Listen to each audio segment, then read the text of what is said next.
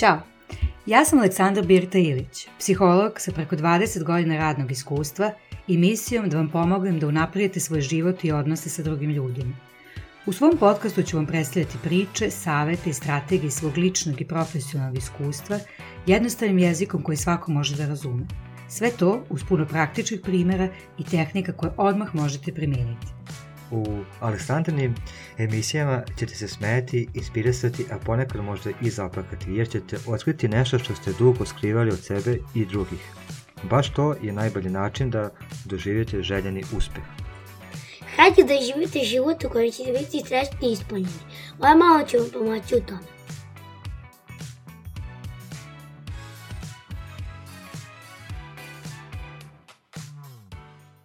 Epizoda broj 3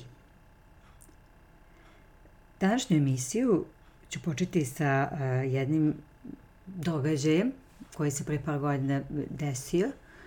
U tom trenutku, mislim, bila je kap koja, bio je kap koja je predla čašu. Inače, sad s ove strane gledano nije ništa tako strašno. Uh, vezan je za moje dete i uh, njega i neke druge primere ću iskoristiti za ono što želim danas da vam kažem, a to je, kao što i naslov kaže, jedan bitan roditeljski uvod, uvid koji će vam pomoći. Uh, I isto tako jedna iz toga proizašla korisna, a jednostavna tehnika koju možda već i primenjujete, a niste znali da primenjujete, a koja će vam pomoći e, za bolje i mirnije roditeljstvo. Sećam se da e, smo dosta bili sami tih dana, skoro svaki dan smo imali neke sukobe, on je skoro svaki dan imao e, bar jedna nedelju dve uzastopno neke burne reakcije, malo kratak fitilj je dolazio do izražaja, a i onda kratak fit posle nekog vremena je dolazio do izražaja i onako sve sam više gubila strpljenje. Bilo je jutro, onako, da kad ustane dete, kad ustane bilo ko na levo nogu, ali kad ustane jedno nezrelo, malo dete sa nerazvijenim mozgom koji ga može koliko toliko kontrolisati kad ono ustane na levu nogu. E, moguće da bio je neispan, smo rano ustali da idemo u vrtić, Tu je bilo već natezanje u kući, uspeli smo neko da se spremimo, izašli iz kuće, e, vozim ga kolima. On, e, pričali smo, ne znam, neku kolekciju, šta je tad skupio, da li sličice ili neke igračkice, nešto i trebao je skoro manje više da potpuni kolekciju i trebali smo taj dan da kupimo, ali naravno posle vrtića niti imamo vremena ujutro, niti rade prodavnice. On kreće već da diže tenziju, da plače, polako kmeči pa vrišti, jer sad i odmah ovde u tipa 7.15, 7.20. Pokušala da mu objasnim dok vozim, da ga nekako umirim, da ga razumem, ipak ne rade prodavnice, dogovor je bio posle vrtića. Dete kao dete razmišlja sad i ovde, pogotovo kad ima 3, 4, 5 godina, sad i ovde, ovo je moja potreba, sad i ovde, mora da se zadovolji. To je već prešlo u onako pravi tantrum. E, ja za 10 minuta imam suđenje zakazano na poslu. Moram da ga od, izvučem iz auta, da ga odvedem do, do vrtića i da mirna, sigurna stignem e, do, e, do suđenja na kojem ne bi smela da kasnim. U vrhuncu je tantrum, ne prolazi.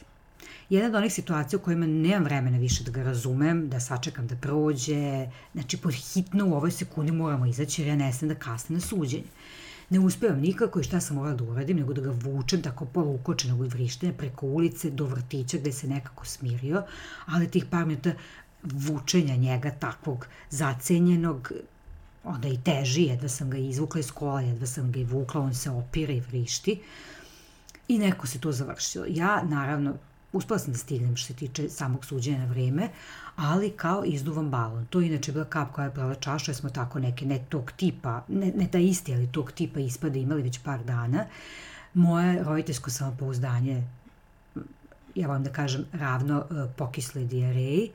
Ovo je bila kap koja je prela čašu, kreće krivica, nije mi prijelo uopšte tako da ga izvodim, kreće e, kritika kako nisam znala drugačije, morala sam da znam nešto drugo da uradim, kako on nije razumeo, zašto se nije smirio. Mislim, cijela situacija je bila onako traumatična, verujem, za oboje pogotovo jer sam kasnije svojim mozgom ja činila da ona bude još više takva i stvarala nove e, krugove neprijatnih emocija na već tu koja je postojala u toj situaciji.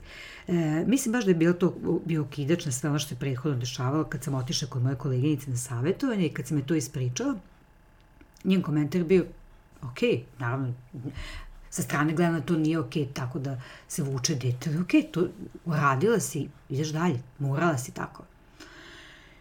Ja tad, nema kažem, nisam bila zadovoljna odgovorom, onako ostao mi definitivno pamćenju, ali to nije bilo ono što sam ja očekivala.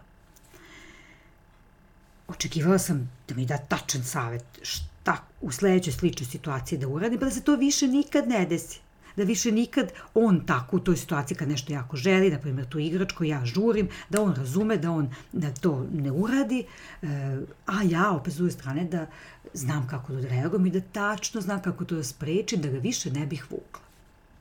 Mislim, mislim da se nije desilo, posle sam ga vukla, ali sam puno naučila pre svega o svojim očekivanjima i kod odlaska kod nje, jer sam posle još jednom bila, i generalno sam shvatila da su to očekivanja koja često i ljudi kod se meni obraćaju imaju. Dakle, reci mi tačno šta da uradim pa da ovo prestane kod deteta, reci mi tačno šta da uradim pa da sve sledeće moguće slične ili iste izazove ja držim pod kontrolom i da živim u miru, slozi i večnoj sreći. Možda sad kad ovo kažem, pa Bože, naravno ja ne mislim tako, ali kada pročačkate malo dublje, verujte mi da puno roditelja koji su u sličnim ovako situacijama imaju to očekivanje. Prva ja sam kao psiholog koji puno i tad radio na tome, e, imala takvo očekivanje i otišla kod koleginice da ja više ne budem u toj situaciji. Dakle, drugim rečima, da držim to pod kontrolom, da u sličnom izazovu tačno znam šta ću raditi i kad to primenim, da to apsolutno ima efekta. Drugim rečima, da znači više nikad slični ispadi se ne dešavaju, da oboje budemo pod kontrolom to je taj jedan uvid koji sam shvatila da je uvid o nekim očekivanjima za koje sam shvatila da su potpuno bila nerealna. E, suština je da ćemo kao roditelji često grešiti. U drugom delu ovog snimka vidjet ćete kako te greške baš mogu biti dobre kako zaista na licu mesta da ih iskoristite za buduće slične situacije, za razliku od situaciju koja ne bi bilo tih grešaka, pa ne bi možda tako uverljivo mogli da e, uradimo neke stvari. Dakle, greške će se dešavati, e, ne možemo sve imati pod kontrolom ni u životu, posebno ne u roditeljstvu, jer je to jedan doživotni izazov sam po sebi, koji podrazumeva puno prodiranja u najveće dubine sebe koje ili nismo poznavali ili smo krili od sebe, e, pa kad se najmanje nadamo sada posebno izranja na površinu, roditeljstvo podrazumeva puno testiranja granica. Dete testira naše, sami testiramo svoje, pa samim tim testiramo i granice svog strpljenja. Isto tako, eh, roditeljstvo podrazumeva puno upoznavanja ljudske prirode, eh, puno upoznavanja toga da u jednom odnosu postoje dve osobe, da mi možemo da koliko hoćemo, koliko hoćemo imati očekivanja da ponašanje neke druge osobe prestane, ali posebno roditeljstvo, mada toga ima dosta i braku, e, iznova dobijamo dokaze da to što mi očekujemo da nešto prestane, da nešto nije u redu kod druge osobe, nije dovoljan dokaz i dovoljan razlog da ta druga osoba sa tim završi. Druga osoba je ta, pa čak i dete od 3-4 godine, koja odlučuje kad i kako i da li će s nečim prestati. A ono što mi možemo da uradimo prvo da vidimo šta možemo sa sobom u tom odnosu. Po pitanju ovih ovakvih situacija, deca posebno su magovi života sad i ovde, življenja u trenutku i praćanja unutrašnjeg glasa. Moje dete u toj situaciji ne zna šta znači sutra, ne zna šta znači posle vrtića. Njemu je to kao godina. On ne zna šta znači par sati. On ima potrebu u tom trenutku da to dobije i glas mu samo to govori, on ništa drugo ne čuje, njegov mozak i to malo razvijenog prednjeg dela mozga koji služi za kontrolu i za racionalnost neku, on ima zaključan u tom trenutku, da potpunosti vođena u tom trenutku emocijama i njemu u tom nekom, da kažem, flowu koje ono ima, vođeno tim emocijama i potrebom u tom trenutku, je vrlo, vrlo teško da na miran način završi s tom pričom, uključi prednji deo mozga koji je onaj koji je zadužen za racionalno razmišljanje, za moralnost, za kontrolu. Inače, dete od 3-4 godine nema još uvek moralnost, to je priča za sebe. I da ona sad, uh, ok, aha, nije ovo sad u redu, mama žuri, uh, ja ću sad s ovim prestati. Prosto nije u redu, ni zbog mene, ni prema mami. Dogovor je bio posle vrtića. Vrtić će doći, će se završiti dosta brzo. Ja ću tu svoju potrebu uskoro zadovoljiti. To ne možemo ni očekivati od deteta s toliko godina da uh, tako razmišlja i da zbog toga ubrzano smiri svoje burne reakcije, prirodno reakcije u tom trenutku kad mu je ostala neka potreba nezadovoljena. A ja sam to od njega zahtevala, sad i ovde moraš pod hitno prestati da vrištiš jer nijemo vremena, meni počinje suđenje. Šta dete zna šta znači vreme i šta znači moje vreme u tom trenutku kad je potpuno zaključan pristup njegovom mislećem delu mozga. Tako da koja sam ja sve očekivanja u toj jednoj sekundi imala od njega – a opet i ja sam ta koja je flipnula i koja je u nekom momentu vikala na njega e, i ima neka stroga očekivanja. To što sam ga vukla, danas, kad bi bila neka slična situacija, nije bilo možda za vrtić, ali jeste bila neka slična situacija žurbe i dete koje te onemogućava i koči u tome, E, ne znam, ne mogu sad setiti, nisam više, mislim, vukla, ali i da sam vukla, ne bi me sada sa ovom pameću više toliko griza savest, jer je to u tom trenutku, kada je jedino rešenje možda bilo da ga sačekam, da njega prođe uz neko razumevanje i da ostanem dosledna u granicama, jer tad ni ne mogu, niti mogu, niti želim e, da mu tad idem da kupim to što je bio dogovor za posle vrtića. E, ja nisam imala to vreme da sačekam na taj način e, da prođe. Ja bukvalno nisam ništa drugo imala nego da ga vučem, jer ja na suđenje moram da se pojavim. Na suđenje moram da se pojavim. Dakle, bilo je tu dosta uvida koje bih definitivno sažala uh, u tom da ćemo grešiti, da nećemo moći sve da držimo pod kontrolom i da su upravo te greške odličan način da promenimo neke stvari u budućnosti, pa i da predupredimo da se slična stvar desi. Greške za to služe. Ima jedna rečenica, ja sam skoro na Instagramu podela, zašto olovke imaju gumicu na vrhu? Pa zato što su greške neminovne, pa da ih lako možemo izbrisati. Dakle, moraju prvo da se dese, ali tek onda ćemo moći da ih izbrišemo i da ispravimo to što smo pogrešili, što smo sad naučili kako treba drugačije da se uradi. S tim u vezi, šta sam ja to naučila i koju tehniku sam posle, zahvaljujući ovoj grešci, primenila. Ono što sam shvatila e, iz tog događaja, pa kasnije kako mi je e, legala, da tako kažem, ta rečenica koleginice, pa dobro, šta si drugo mogla, i ok je što si to radila, nije ok generalno gledano, ali u tom trenutku si tako morala. Posle priče o krivici koju posle bespotrebno sam kreirala i gaženje po sobstvenom, već prilično ugaženom roditeljskom samopouzdanju koje sam radila, ja sam odlučila da to iskoristim za sledeću potencijalno sličnu uh, kritičnu situaciju. I za jednu tehniku uh, koja uvek ne uvek, ali vrlo često u kritičnim situacijama s detom pali, a to je planiranje unapred. Nešto što možda i sami radite. E, I šta sam uradila? Kad smo išli u vrtić, pa i posle neke druge slične situacije pozvala se na tu e, delimično traumatičnu situaciju za oboje kad sam ga vukla. I unapred smo se dogovorili, vidi sad Mili, sutra e, ili kad je počeo da opet da, recimo, počeo polako da kmeči jer nešto treba da mu kupim, bla, bla. Mili, sećaš, sećaš se one situacije kad smo, eh, kad si jako plakao i kad sam ja vikala, kad sam teo da ti, teo, teo se da ti kupim, a ja sam jako žurila, pa sam onda ja vikala, pa sam tako vukla, pa ti, i tebi bilo grozno, joj, meni je tako bilo grozno, nije mi uopšte prijelo što sam to morala da radim, ja ne bi tako to da se ponovi.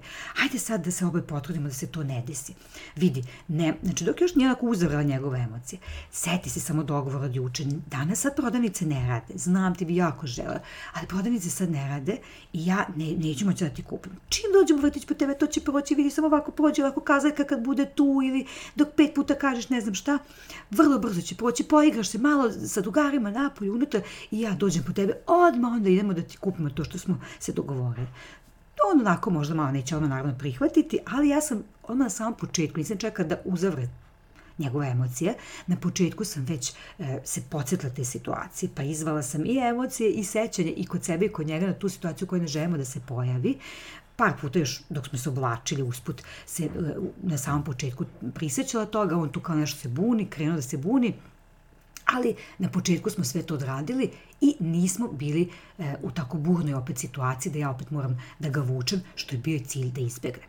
Slično tome, ne znam, neke stvari tog tipa se dešavaju ono klasika u prodavnici, kada dete 3-4 godine hoće igračku i sad ili nikad više, klasične e, situacije sa njima.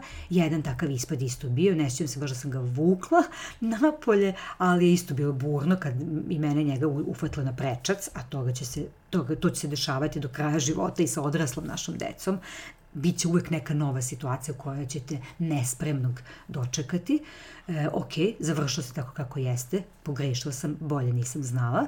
Međutim, onda sledeća slična situacija, recimo sa prodavnicom i tržnim centrom, nešto moramo da idemo da kupimo, ja iskoristim taj prethodni događaj za planiranje napred. Pa još malo odglumim i još ubacim kako i meni bilo grozno i njemu bilo grozno, ja ne želim tako ja da se ponašam, a ne bi volala ni on, ne bi volala da, da budem u svadi, joj, joj, joj, pa malo ubacite već sad spontano kako vam odgovara e, neku priču, neke male emocije glume.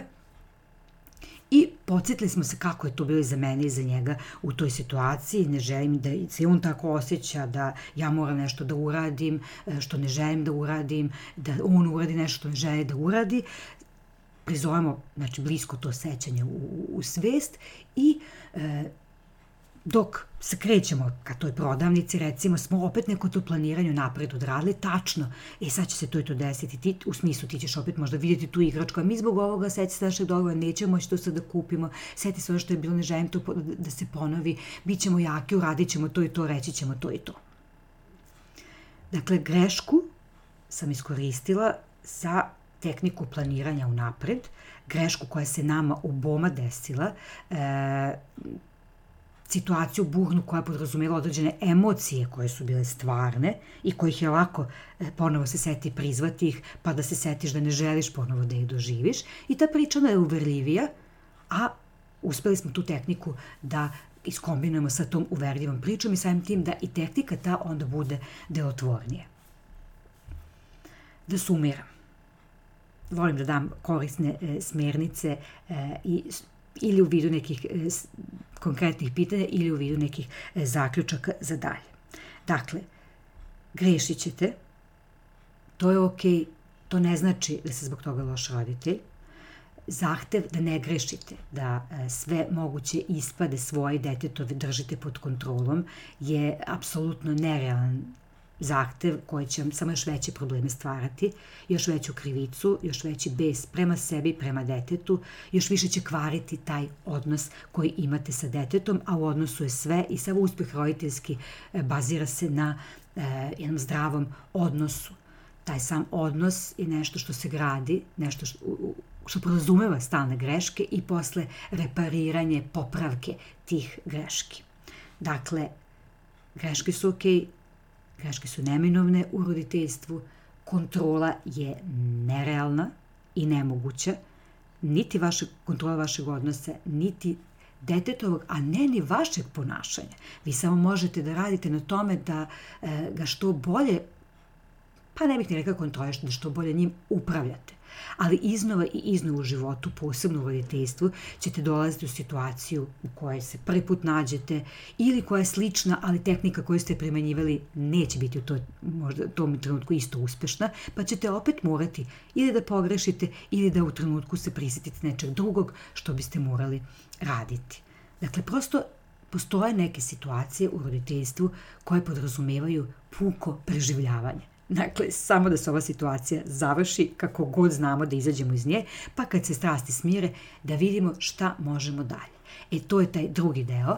Iskoristite to kad se smirite, kad možete onako malo sa strane da sagledate ono što se desilo, što je bilo burno za vas i za vašu decu, šta možete zaista sa tim da uradite i kako, e, koje tehnike, koje zaključke možete da izvučete iz nje, pa da e, u budućnosti umanjite vratnoću da se isto to ponovi. U ovom videu sam predstavila uh, jednu tehniku koju sam izvukla iz, tih, uh, iz te situacije gde sam pogrešila. Tehnika se zove planiranje napred. Dakle, iskoristila sam konkretnu situaciju u kojoj smo se oboje loše osjećali, oboje pogrešno ponašanje imali, da uh, u sledećoj potencijalno slično opasnoj situaciji unapred isplaniramo šta može da se desi, šta može da bude rizik, kako ću se ja ponašati, kako on, pa da umanjimo šanse da opet e, budemo u toj situaciji koju oboje želimo da izbegnemo.